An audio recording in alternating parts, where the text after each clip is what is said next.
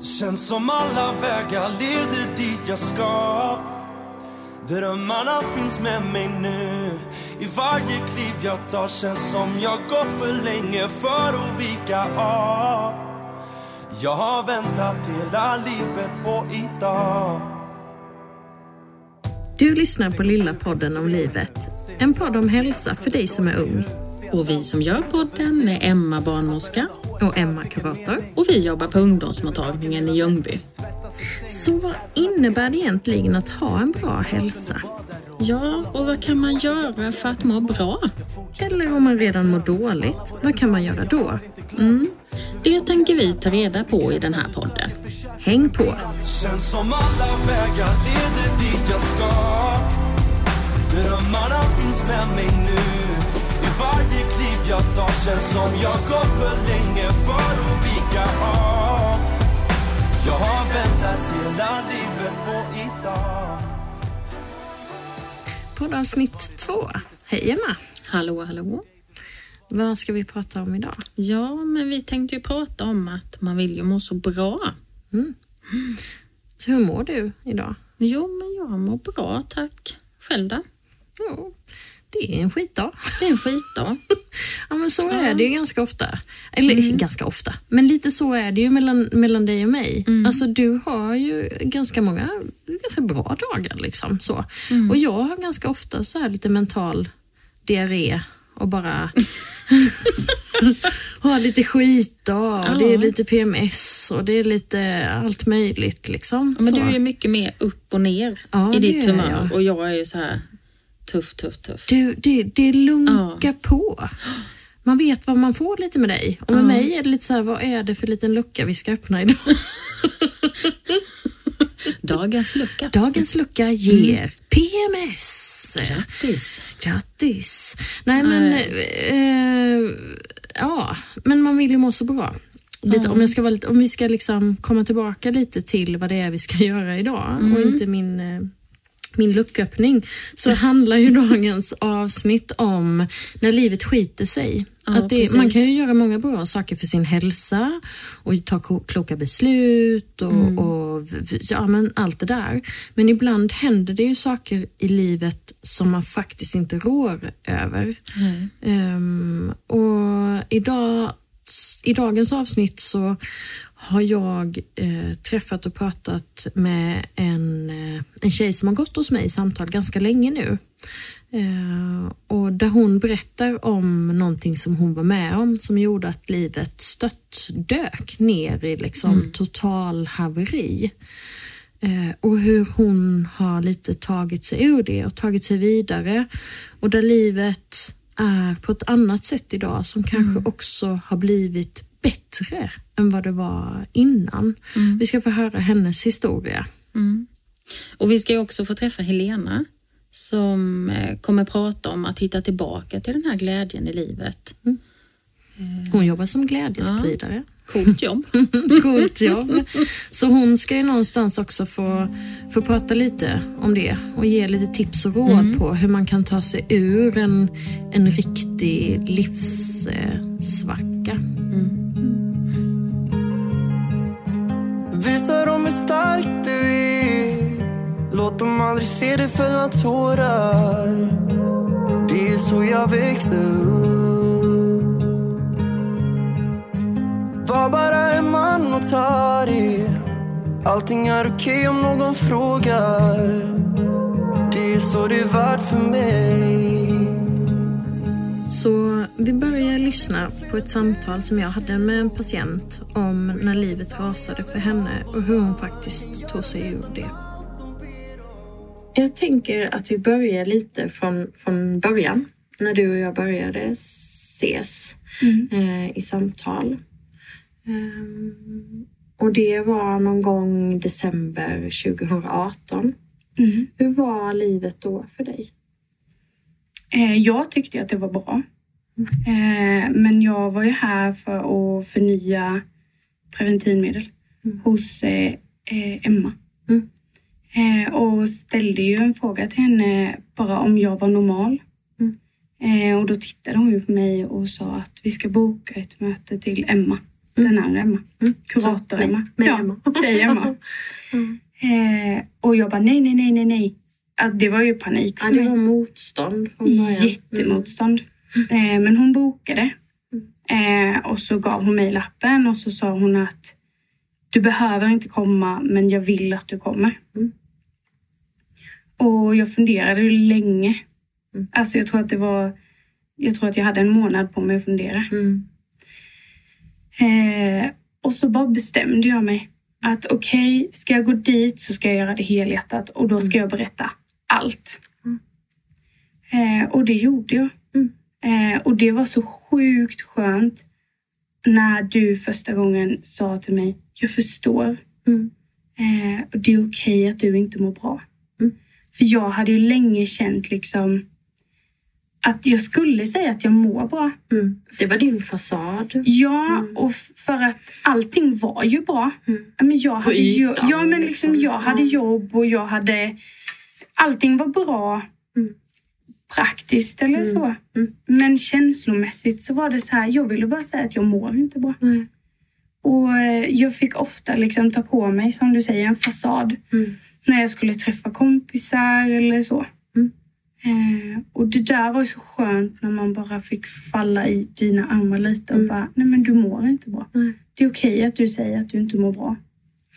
Och det- det, jag, jag kommer ihåg det som att vi liksom plockade, plockade ner det på något vis. Okej, så var... Om, om, under den där ytan liksom, Mm. av att säga att man mår bra och jag fixar och jag klarar av. Det var väldigt viktigt för dig. Så här, Ja. Jag fixar det själv och ingen ska då säga och att jag inte fixar och klarar. Och att plocka ner det var ju också någonstans att börja liksom riva och nästan, säga, nästan skapa problem som du inte liksom tyckte att du direkt hade när du kom. Ja. Men vi rev ner murarna Ja. lite för att se vad som var grunden till det dåliga. Liksom. Mm. Eh, och för mig har det ju alltid varit viktigt att, som du säger, klara saker. Mm. Eh, och klara det själv. Mm. Och att bevisa att tjejer är bättre och att de är minst lika bra som killar. Mm. Och att de klarar... Och det var som om jag hade tagit på mig den rollen. Att det liksom var jag som tjej som skulle bevisa för alla andra tjejer Mm. och för alla andra killar Mm. Att men tjejer kan visst. Mm. Eh, Och i det så hade du någonstans glömt bort att känna efter. ja, Att tanken om att jag ska, jag ska fixa, jag ska klara är egentligen inte destruktiv. Men du hade, du hade ingen kontakt med vad du egentligen ville och kände och det där lite sköra som finns i alla. Ja. Den Nej. hade du bara stängt av. ja. Mm. Och jag var... Alltså när jag kom hit första gången och du frågade mig vad säger magkänslan? Mm. Jag, bara, du tittar på mig lite, vad, vad, jag har ingen magkänsla. Ja. Jag har ingen magkänsla liksom. Eh, Och jag hade ju svårt att säga att jag var kär, för jag visste inte hur känns det när man är kär då. Mm. Det skulle liksom vara som en bok. Mm. Du förklarade det ofta så för mig, liksom att det är som en bok och det, det ska stå där hur det ska vara. Och Mm. gör det inte det så finns det liksom inte. Nej, du, man ska kunna checka av Ja. och man ska uppfylla. Ja, exakt. är helt, och det, det var lite avstängt och där, jag kommer ihåg det också lite som du får rätta mig om jag har fel, men jag kommer ihåg det lite som att du var ganska avstängd i din kropp överhuvudtaget. Du hade inget kärleksfullt liksom, förhållande till din kropp Nej. utan du var i ditt huvud Ja. och sen var resten bara liksom nästan lite bortkopplat. Ja, det var det. Verkligen. Jag tyckte inte om min kropp. Nej. jag kunde inte vara glad över att, eh, att jag hade eller har en så fin kropp som jag har. Nej. Eh, och det kan fortfarande än idag vara jobbigt. Eh, men det är på ett helt annat sätt. Mm. Att jag kan vara så här, innan så var det så jäkla viktigt vilka siffror det stod på vågen. Mm. Det är det inte nu. Det är så här, ja, jag kanske har gått upp några kilo men Mm. Jag mår ju bra, jag orkar ju. Jag liksom, Du är stark och du fixar Ja. grejer. Liksom. det är mer en tacksamhet i min kropp. Mm. Eller så. Mm. För att den orkar. Så allt, när vi liksom började skrapa och så, så började du ju egentligen... Jag kan tänka mig att du började uppleva att du nästan må, började må sämre i början. När Ja. du gick här. Helt plötsligt så började du känna efter på ett sätt. Så hur var de liksom kommande månaderna efter att vi hade börjat ha samtal? De, de absolut första var ju totalt piss egentligen. För då var det ju, jag sov ju inte, jag hade ju svårt att äta, jag började ju, vi pratade mycket om kompisrelationer. Ja. Vilka är bra, vilka är dåliga? Vilka får jag någonting ut av och vilka tar all min energi? Mm. Och när jag började sålla på dem så det hände så mycket i hela, liksom, i, i, tank, i huvudet. Jag tänkte så sjukt jävla mycket så Mm. Ja. jag kunde ju liksom inte ens sova. Nej, du höll på att explo- implodera Ja, liksom, men- invärtes. Ja, typ så. Det var liksom... Och sen, sen successivt så var det som att stenarna började lägga sig på plats. Eh, jag vet att du sa till mig att jag skulle börja yoga. Mm. Något som jag tänkte att nu... Nu, nu, nu är det här för flummigt. Och vi började göra lite mindfulness Ja. här också. Ja. Eh, om någon hade sagt till mig för typ några år sedan att Mm. Nej, men du ska sitta och, och, och liksom göra mindfulness tillsammans med någon Mm. och göra yoga så hade jag bara såhär, nej, nej, nej, nej, nej, det där är inte jag. Det kommer aldrig hända. Nej, nej. Men det var sjukt bra. Alltså jag skulle säga då att det är din grej. Ja, men lite så. Att bara kunna bara gå in i sin egen kropp och känna och bara få vara med sig själv. Mm. Eh, eh, att inte vara rädd för att höra vad man själv tänker och känner. För det Våga var ju vara i det. Ja, du Ja. flydde ju från det hela tiden Ja. egentligen. det var som att springa något evighetsrace. Liksom. Mm. Utan, utan mål i sikte. Så. Ja. Mm. Ja. Så de, de följande månaderna där så hade vi ju ganska täta och regelbundna samtal och manglade oss igenom många saker och våra samtal var oftast väldigt långa. Och Ja. det, det har de ju alltid varit. Ja, ja. Men de var väldigt långa och vi gjorde mycket meditation och du började yoga hemma. Ja. Och framåt vårkanten och sommaren så mådde du ju ganska mycket bättre. ja, men vi var ju på väg att avsluta precis innan... Eller ja, vi var på väg att avsluta. Ja, till Eh, semestern ja, liksom. Att vi bara så- skulle ha något uppföljande samtal efter Ja, i semestern. augusti så Ja. skulle vi ha avslutningssamtal. Liksom. Och vi skildes åt där och du hade lite liksom, mål för sommaren och du hade träffat, en, en, träffat kärleken Ja. och ni liksom trevade i att hitta varandra i det. Men det kändes ändå som att du, du var på väg att, att eller du hade kommit i kontakt med din magkänsla. Och liksom så här, vad känns bra, vad känns inte bra? Och, ja, men du hade hittat dig själv i mångt och mycket egentligen och funnit lite lugn i att inte behöva bevisa saker hela tiden. Och så när vi, när vi ses igen efter sommaren där i augusti så får jag in en, en, eh, en tjej som är totalt som ett eh, asplöv i stolen. Du bara är du är som en skugga när du kommer och jag känner liksom inte igen dig nästan. Nej, det var... Det var så skönt att komma hit, men det var så fruktansvärt Mm. för att jag då hade blivit överfallen Mm. eh, och sexuellt utnyttjad mot min vilja. Ja. Eh, vilket var så, så, så sjukt att det kunde hända mig. För det händer ju bara alla Det andra. händer alla andra. Det kommer jag så starkt ihåg att du sa det. Men det här, det här händer inte mig. Det är Nej. något man läser om Mm. eller hör om. Och du kände inte ens någon som har liksom pratat om att Nej. man har varit, blivit sexuellt eh, utnyttjad eller varit Nej. utsatt för ett övergrepp. Nej. Så, så livet hade liksom rasat fullständigt för dig under Mm. sommaren. Och när vi såg så hade det ganska nyligen hänt. Det var några veckor efter nej, det. det var bara, det var bara en vecka. Ja, det var bara en vecka. Ja. Ja, Så du var fortfarande rätt chockad när du, ja när du var jag. kom? Och så i samma veva då så, han som jag precis hade blivit kär i, Eh, åkte ju till Australien som skulle backpacka lite. Så du hade dels liksom gått igenom en separation mitt i allt det här med att du också hade varit utsatt för ett övergrepp. Ja, plus att jag flyttade Ja. till eh, en gård på landet. Mm. Eh, där jag skulle bo helt själv. Mm. Eh, så ja, det var... Och det var så mycket som var så overkligt. Mm. För jag har alltid varit väldigt noga med var man är hen och att man ska hålla reda på varandra och man ska hålla ihop. Och, eh, ja, men, försökt undvika för jag vet att det kan hända. Mm. Men här var vi liksom på en hemmafest. Ja. Bland väldigt många nära kompisar. Mm. Eh, och det var så sjukt att det kunde hända ändå. Mm. Där och då och med, alltså, med så många kompisar. Liksom. Mm. Och det bidrog ju mycket till overklighetskänslorna. Ja. Att bara, alltså, vad har jag egentligen varit med om och vad hände egentligen? Och, alltså det där att bara komma det här det har faktiskt hänt. Och kommer alla tro på mig? Ja, När jag säger det, kommer folk tro på mig eller kommer de snegla på mig och sådär? Ja, nej men det kan inte ha hänt där. Det kan inte ha varit han. Det kan inte gå till så. Mm.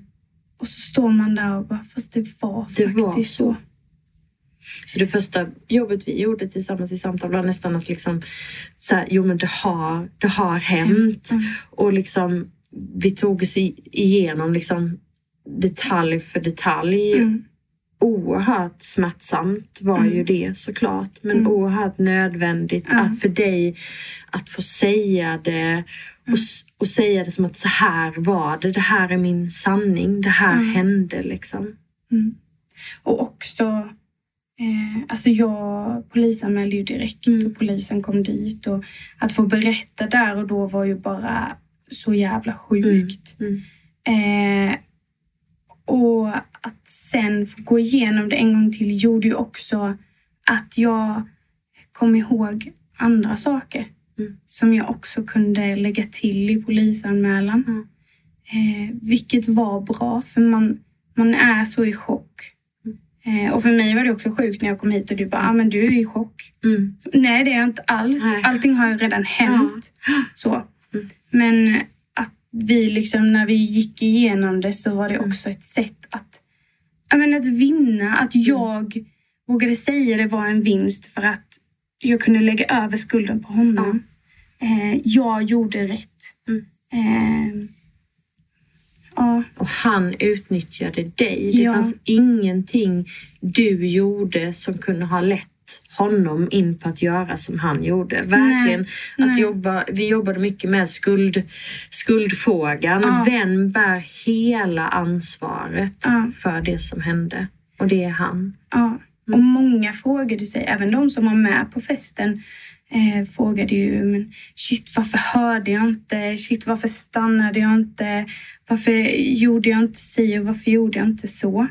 Och till en början så tärde det ju på mig för att jag kände, men varför gjorde inte jag? Varför, sa inte jag stopp tidigare? Varför fattade jag inte tidigare? Varför... Hur, hur, vad- hur kunde jag inte bara liksom stoppa det?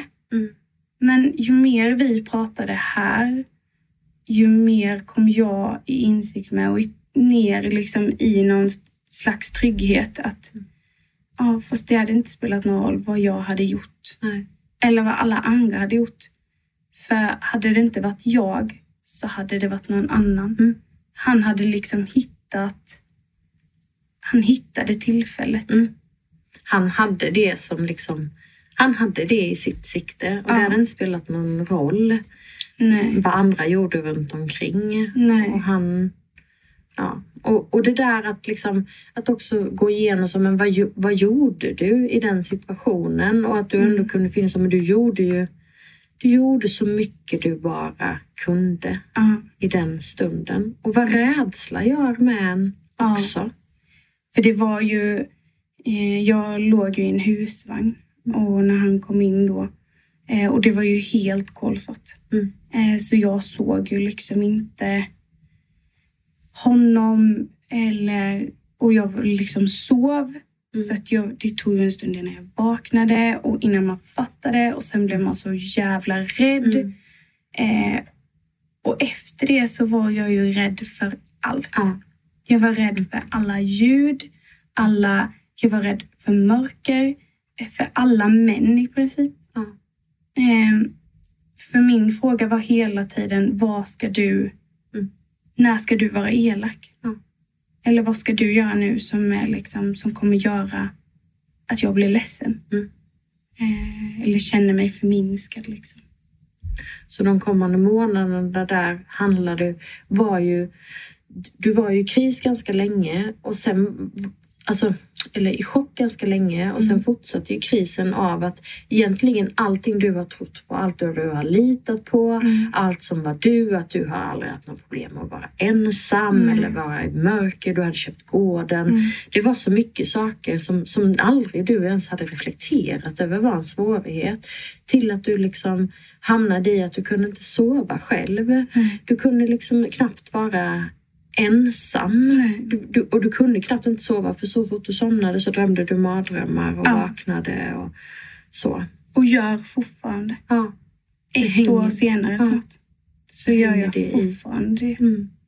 Eh, ofta mm, drömmar som eh, där man liksom blir helt försvarslös. Mm.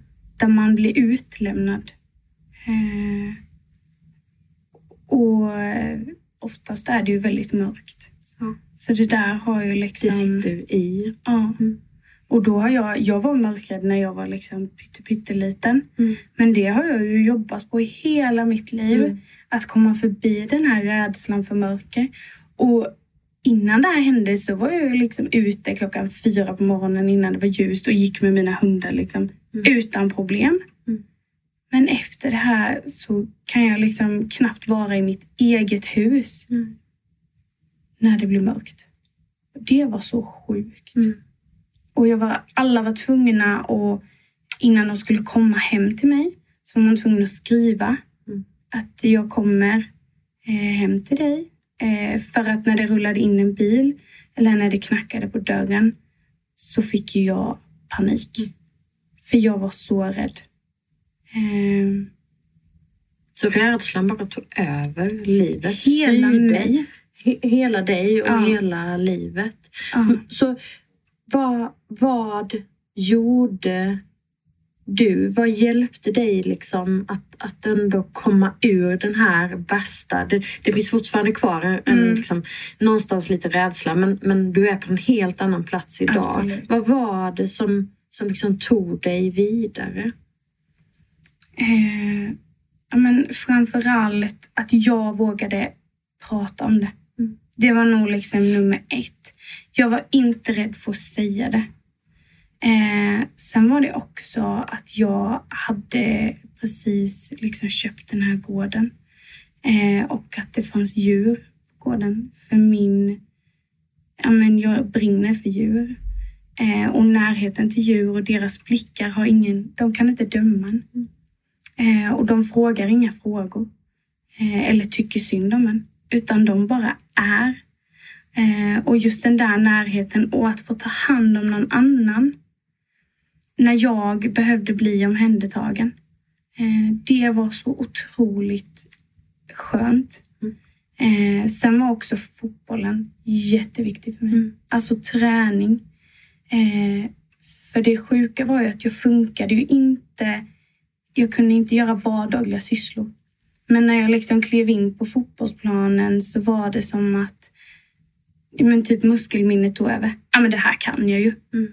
Eh, och det var så skönt också att få komma dit och vara den vanliga. Mm. Vara det vanliga jag. Det var ingen som tyckte synd om mig.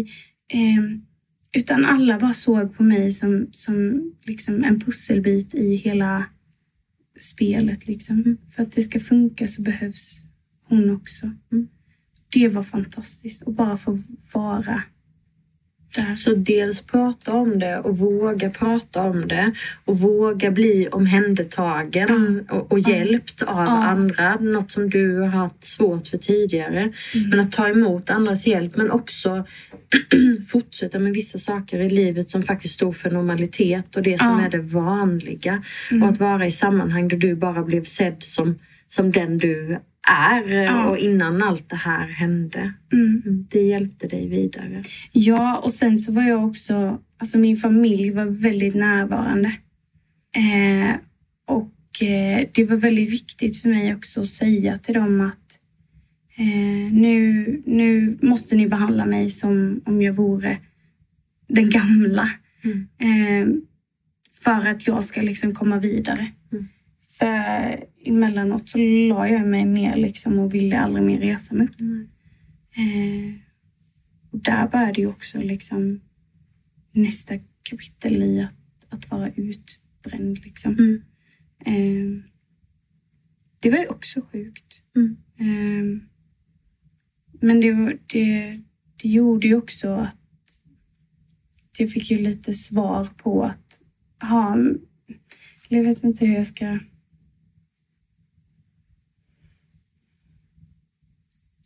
Ja.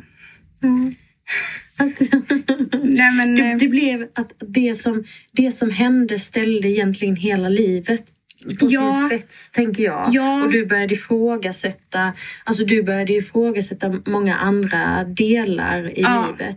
Men det som fick dig att komma dit var ju att befinna dig i sammanhang där du kände dig trygg. Ja. Och lite komma tillbaka till nollläge.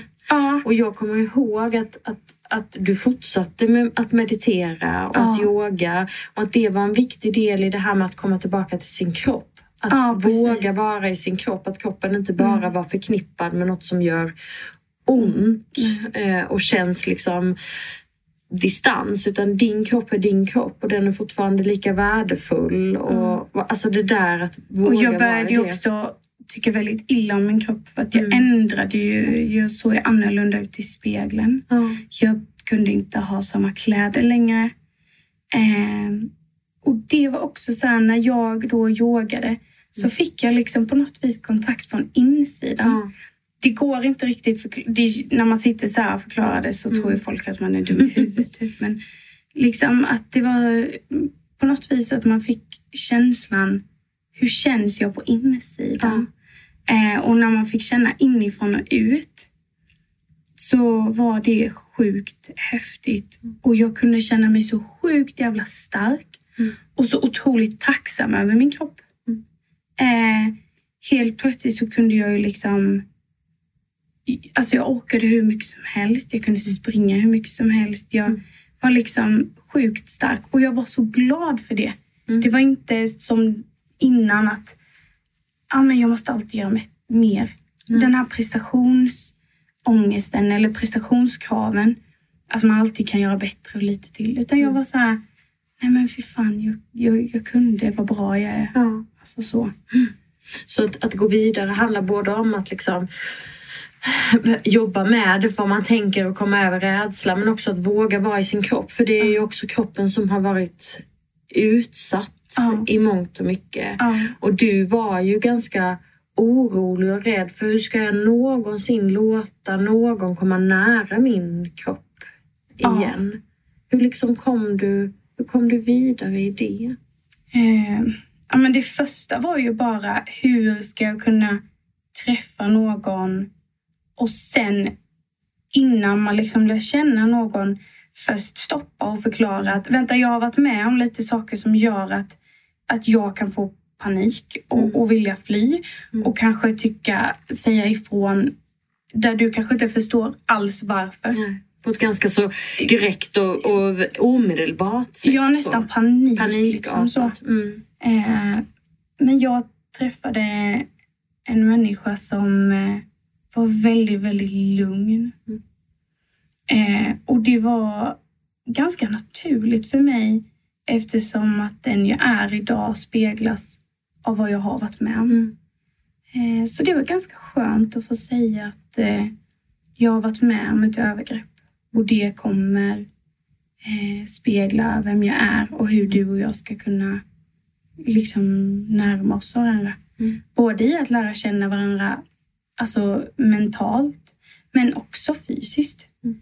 Eh, för det finns ställen på min kropp som jag inte vill att han ska ta på. Mm. Ehm, och det var viktigt att få berätta det för honom. Och eh, att du och jag kunde prata, för det är liksom steg för steg. Ja. Ju längre in man kom i relationen, ju viktigare var det för mig att liksom kunna säga stopp. Mm. Och att våga stanna upp och Ja. vara i känslan och inte agera på paniken utan lite applicera mindfulness in Ja. i de inti- intima stunderna också. Att våga känna efter istället för bara det här blir en stark känsla och tycka att det var obehagligt. Man bara okej, men vad är det jag känner? Och bara ta det lugnt och våga stanna upp lite. Och också kunna eh, alltså berätta det för honom. Eh, för jag berättade för honom att det var liksom jobbigt eh, att, att, ja, men att komma i säng. Mm. Eh, det gick jättebra för mig att hångla. Att liksom, när jag hade kläder på mig, Mm. då kände jag mig liksom trygg och jag vågade sitta liksom väldigt nära och på honom. Och, så här, väldigt, och det var okej när han tog på min kropp när jag hade kläder på Mm. mig. Men ju mindre plagg som var kvar på min kropp, ju mer panik sattes jag i. Mm. Så att det var som att vi fick liksom ta av tröjan, Mm. stanna kvar i det, hångla, må bra. Åh, nu var jag bekväm med det. Ja, hitta, lust, hitta tillbaka Ja. till lusten och sen gå Ta vidare. nästa plagg. Eh, och jag har ju fått förklara för honom, "Nej, men du kan inte rycka av mina trosor för att då får jag panik. Ja. Utan du måste liksom ta det försiktigt. Mm. Eh, och jag tror att det är så jävla viktigt. För den man vill vara med vill ju vara en till lags. Ja. Och vill den inte det, då ska man inte vara med den. För då är det fel. Ehm, Och är han- det inte på lika villkor? Nej. Och han ville ju verkligen vara mig till lags. Mm. Ehm, och då var det också lättare att komma över saker som... Eh, ja, men, det kunde vara svårt för mig att han, han tog på vissa ställen. Mm. Men när man, när man vet att han vill vara snäll och att Mm. han vill vara mig till lags Han vill dig väl. så kunde det helt plötsligt vara mycket lättare att han tog på ställen där jag bara kände att det här är egentligen smärtsamt fast Mm. han får det att liksom bli bra. Ja. För att du är trygg med honom och Ja. litar på honom. Så att någonstans också inte kasta sig in i att vara med någon för att få det överstökat. Nej, nej. Utan det där med att komma tillbaka till att vara med någon som låter det ta tid och Ja. låter det vara mycket på ens villkor. Mm. Ehm, och som man litar på Ja. i det. Och innan jag eh, träffade honom eh, så eh, jobbade jag mycket med min egen sexualitet. Mm. Eh, vad tycker jag är skönt? Eh, att, att jag tog på min egen kropp för att känna hur skadad är jag? Mm. Alltså så, kan jag fortfarande liksom njuta av, av beröring? Och det kunde jag. Mm. Och helt plötsligt så öppnas ju en värld för mig där jag känner så här, okej men nu är jag själv. Eh, jag har börjat om från början. Eh, nu ska jag lära mig vad jag tycker är skönt med min kropp. Mm. För jag kände när jag var typ 15 Mm. att man bara gick i de här sociala normerna nästan. Det här Ja. ska tjejer tycka om. Ja. Det här, så här ska killar vara. Och, Ja, och så här ska man göra och det ska Mm. kännas så här och det ska göras på det här viset eller på det här viset. Mm. För mig är det inte alls så längre. Nej. Utan där var min chans att kunna lära känna mig själv. Ja. Vad är det jag egentligen tycker om? Mm. Och det tror jag är så viktigt, hur gammal man än är Mm. eh, eller ung. Att man liksom lär känna sig själv. Vad tycker jag är skönt? Mm. Eh, och bara känslan första gången man, man tar på sig själv och första gången jag fick en orgasm med mig själv efter att det hade hänt. Det var ju skithäftigt. Ja. Alltså och första Som att gången... vinna på Lotto. Ja men lite, lite så. Ja. Eh, och första gången jag skulle ha sex med den här killen Mm. eh, var ju också Åh gud, hur kommer det... Det var så mycket Jag panik. kommer ihåg att vi pratade innan helgen. Ja. Så pratade vi efter helgen. Hur var det och hur blev det och så. Och så blev Ja. det skitbra. Ja, för att du vågade vara i dig själv och din känsla och utgå ifrån det. Inte i känslan av att vilja behaga någon annan och Nej. vara till lags. Liksom. Och jag kunde också få en egen orgasm i ett samlag. Mm. Vilket var så här... Ja, men det är inte jättevanligt Nej, nej. för mig. Nej. Men jag kunde ändå slappna av. Vilket var så sjukt. Mm. Och det var det här att jag var i nuet, jag var i stunden, jag var i känslan, jag var i doften. Jag var i alltså, att få beröra honom, känna honom, känna andetag. Det var så viktigt. Mm. Eh, och att få blunda, då blir det ju sjukt mörkt. Mm. Men det var Det liksom var inte, inte mörkt. Nej, Nej. det var inte mörkt på det viset. Nej. Och det var... Det... Så i allt det här så har det någonstans fötts någonting nytt. Mm. Och jag har jävligt svårt att säga att ja, allt har en mening, för jag tror inte på det. Mm. Men du har gjort någonting Ja. utav det som hände så att det har blivit någonting ännu bättre. Ja. Och jag tänker att det hade du säkert liksom gjort ändå. Men du har vänt det som hände dig till Mm. att du är på ett helt annat ställe idag. Ja. Och om du skulle få, få ge dem som lyssnar liksom någon tanke, om, om det sitter någon och lyssnar på som faktiskt har varit med om någonting riktigt jobbigt. Det behöver ju inte vara ett övergrepp, det kan vara andra där man känner att livet är skit. Jag tror aldrig att jag kommer någonsin må bra igen. Vad är din, liksom, vad skulle du vilja säga eller förmedla till dem?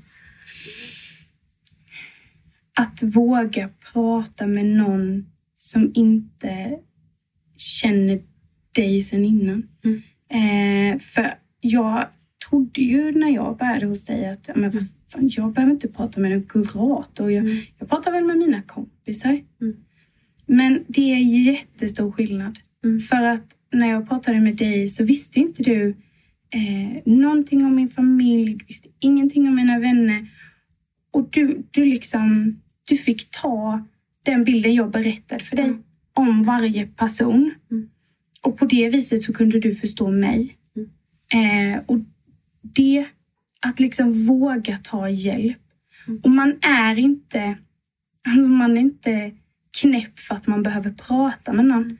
Utan man är modig. Mm. Jag kände mig, när vi hade pratat innan det hände, Mm.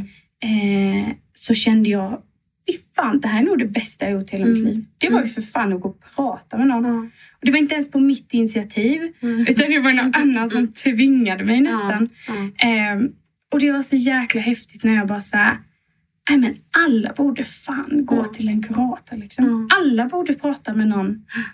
Det är jätteviktigt. Så egentligen att våga bjuda in någon utomstående för att Ja. hitta nya perspektiv Ja. och inte klanka ner på sig själv som knäpp eller konstig utan bara så här, det är helt okej att må dåligt och man är precis lika värdefull och bra fastän man Ja. mår dåligt. Och det finns de som kan hjälpa till i det och att man inte är liksom ensam. Nej. Och även om livet skiter sig så kan man till och med hitta tillbaka till någonting som är mycket bättre Ja, än det som till och med var innan ja. det sket sig. ja men verkligen. Och alltså, man har så mycket tankar eh, och så mycket hjärnspöken och så mycket. Så att bara få dela med sig av dem och få höra så som du sa till mig, ja, men det är inte ovanligt. Nej. det var också så skönt. Men jag är normal fast att jag känner så här. Mm. Det var liksom... Ja, så att våga, ja, Ja. våga prata. Mm. Och sen var det viktigt för mig att vara öppen. Mm. Alltså att jag var öppen med att säga att nej, men jag går hos en kurator. Mm. Ehm, och jag behövde inte förklara för alla. Nej. Och var det någon som frågade, men har inte du det bra? Mår inte du bra i ditt liv? Så, så var det så skönt också att få säga, nej, allting är inte bra. Mm. Livet är både bra och skit. Ja, Och det kan vara det samtidigt men faktiskt. precis. Mm. Mm. Och, och för mig så var ju livet väldigt bra. Jag hade ett bra jobb, trodde jag. Mm. och jag hade liksom ett bra, jag bodde bra, jag hade bra familj. Alltså allting var, skulle vara bra. Mm. Men känslan Men inuti mig, kändes inte bra. nej. Och att våga prata om det Ja. och börja nysta i det. Tack så hemskt mycket för att du har delat det Tack du har delat. Och jag tror att det har varit värdefullt för många av dem som, som lyssnar. Ja, jag hoppas det. I am not a stranger to the dark. Hide away, they say, cause we don't want your broken parts. I've learned to be ashamed of all my scars. Run away, they say, no one will love you as you are. But I won't let them break me down to dust. I know that there's a place for us, for we are glorious.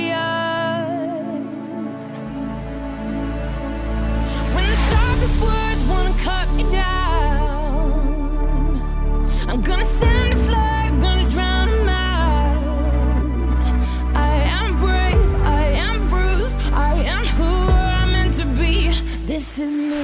Look here I come. And I'm marching on to the beat I drum. I'm not scared to be seen. I make no apologies. This is me.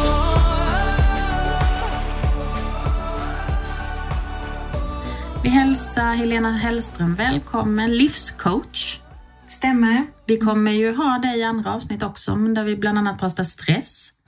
Men idag ska vi prata om att man vill ju må så bra. Och vi har ju precis lyssnat på en, ett samtal där jag pratade med en av mina patienter där livet eh, faktiskt hamnade ner i ett stort svart hål. Och det är lite temat för, för vårt samtal här idag. Eh, när livet liksom skiter sig och känns mörkt och svårt och trist och trångt på något vis. Som, och det kan det ju göra av många olika anledningar. Ibland kan det ju kännas så för att det har varit en skitdag i skolan eller på jobbet eller, eller att någon närstående har gått bort eller att mamma och pappa ligger i skilsmässa eller vad som helst egentligen. Och vi vet ju att du är bra på det där att hitta tillbaka till lusten och glädjen. Hur ska man hantera det när man hamnar i det där mörka, tänker du? Mm. Först och främst så tänker jag att man får lov att tillåta sig att vara i det mörka, tråkiga som man känner suger, jag höll på att säga KUK, men riktigt, riktigt fett. Eh, och att det är okej och inte bagatellisera det eller börja jämföra med andra. Att, men gud, jag, jag borde inte ta så hårt på detta och så vidare. Utan tillåta sig att faktiskt få vara i det en stund och känna alla de känslorna som kommer i det. Eh, och våga vara i det mörka och veta någonstans att det kommer inte vara för alltid. Man kommer inte vara kvar där för alltid. Det vet jag kan vara ett jättestöd och när jag har provat att vara så riktigt i hellhole så vet jag att en vän sa det till mig att du kommer inte vara det för alltid och vi kommer inte tillåta dig att vara det för alltid. Vi kommer hjälpa dig därifrån. Och den kan vara bra att ta med sig så att man vågar vara och möta den en stund. För vi har så lätt att försöka ja, men, fly ifrån det. Man tar upp mobilen igen eller man sticker iväg och sen så får man fly och fly och fly. Men det hörde vi också på den här fantastiskt generösa eh, delningen som var från den fina kvinnan som berättade i klippet innan här. Eh, om hur viktigt och värdefullt det är att faktiskt våga öppna upp sig. Även om det känns tufft, jobbigt, man är rädd och man vet inte riktigt vad det kommer innebära. Eh, att våga prova, om så bara en gång och se om det kan vara någonting för dig. För många gånger så blir det så mycket lättare. Det är som att man tömmer ur ryggsäcken en del när man får upp det på bordet och får ut det ur sitt huvud. För det är oftast där det cirkulerar så enormt starkt och blir extra stora hjärnspöken. Eh, och känner man att man absolut inte är redo för att gå och prata med någon så brukar jag ge som råd, börja skriv i alla fall så du får ur det ur huvudet, ur ditt system. Då kan det vara första steget. Men sån otrolig rikedom om man kan ta sig iväg och snacka med någon. Börja med en kompis, någon du har förtroende för eller liksom vidare med någon som, som till exempel du som kurator eller en coach eller eh, släkting. Den du känner att men här kan jag lätta lite. För om du tänker efter så, gånger där det har varit tufft och jobbigt, när du har delat med dig av det så har man kanske klätt av det lite och märkt att men gud, så, så tungt, så tufft var det inte efteråt utan det känns lite lättare i systemet. Mm. Man får hjälp att sortera i sina känslor och tankar när man delar det med någon annan. Ja. Okej, så någonstans att våga börja vara såhär, nu är livet skit. Det är okej att det är skit. Jag måste, det kommer inte vara så här för alltid. Eh, en andra sak att liksom våga prata om det man känner och upplever med någon annan. Egentligen vem som helst som man kan känna tillit till. Vad mer kan vi göra för att liksom ta oss vidare ur något som är svårt? Mm. Eh, ibland så är en bra start att göra någonting som du vet skapar trygghet hos dig. För ofta är det ju att systemet har blivit skakat, alltså att man är rädd och rädslan har liksom tagit överhand på ett eller annat vis. Eh, antingen ifall det har med att man tycker att det har gått åt helsike med någonting, då är det ju kanske att man tror att man inte är älskad eller omtyckt, man är rädd att inte få vara med någon eller ifall man faktiskt då har blivit utsatt på ett eller annat vis. Så för att lugna systemet i det så kan det vara att göra saker som skapar trygghet och då kan exempelvis vara lyssna på musik. Låtar som du vet att det här mår jag gott av, det här skapar liksom en så här trygg skön plats i dig. Du kanske har något minne som du kan börja tänka på som ger dig trygghet. Eller faktiskt ett tips som kan låta kanske lite speciellt men om du tänker dig hur vi gör med små barn som är ledsna, oroliga, då håller vi om dem och kanske lite så här vyssar dem. Och det kan man testa, ni kan få prova här nu, att om, om ni tänker er att ni tar armarna lite runt omkring Som att er. krama sig Ja, som att ni håller om i en stund. Och så prova och liksom bara vyssa dig själv lite från sida till sida. Då minns vi, för vi har liksom i vårt kroppsminne hur det var när vi blev omhållna, älskade, vyssade. Det känns liksom lugnt och tryggt. Så det kan vara en bra start att börja där, liksom att skapa trygghet i dig själv. Så musik eller fysisk närhet. Och har du då ingen runt omkring dig som kan hålla om dig just då, så kan du göra det själv och annars faktiskt be någon hålla om dig en liten stund eller ta lite på kroppen, liksom så, lite lätt beröring för det skapar lugn och ro-hormoner. Ehm, men också gå till andra minnen, sånt som brukar funka hos dig. Även ifall du känner just nu att nej, men det känns inte speciellt kul. Att börja testa med de sakerna igen och göra lite utvärdering här och var för att vi har mycket med oss i kroppsminnet. Sånt som du kanske brukar tycka om. Testa, gör det. Gillar du inte det så går du vidare och testa igen. Så man får vara lite, lite detektiv i det som faktiskt passar dig just nu och som är roligt.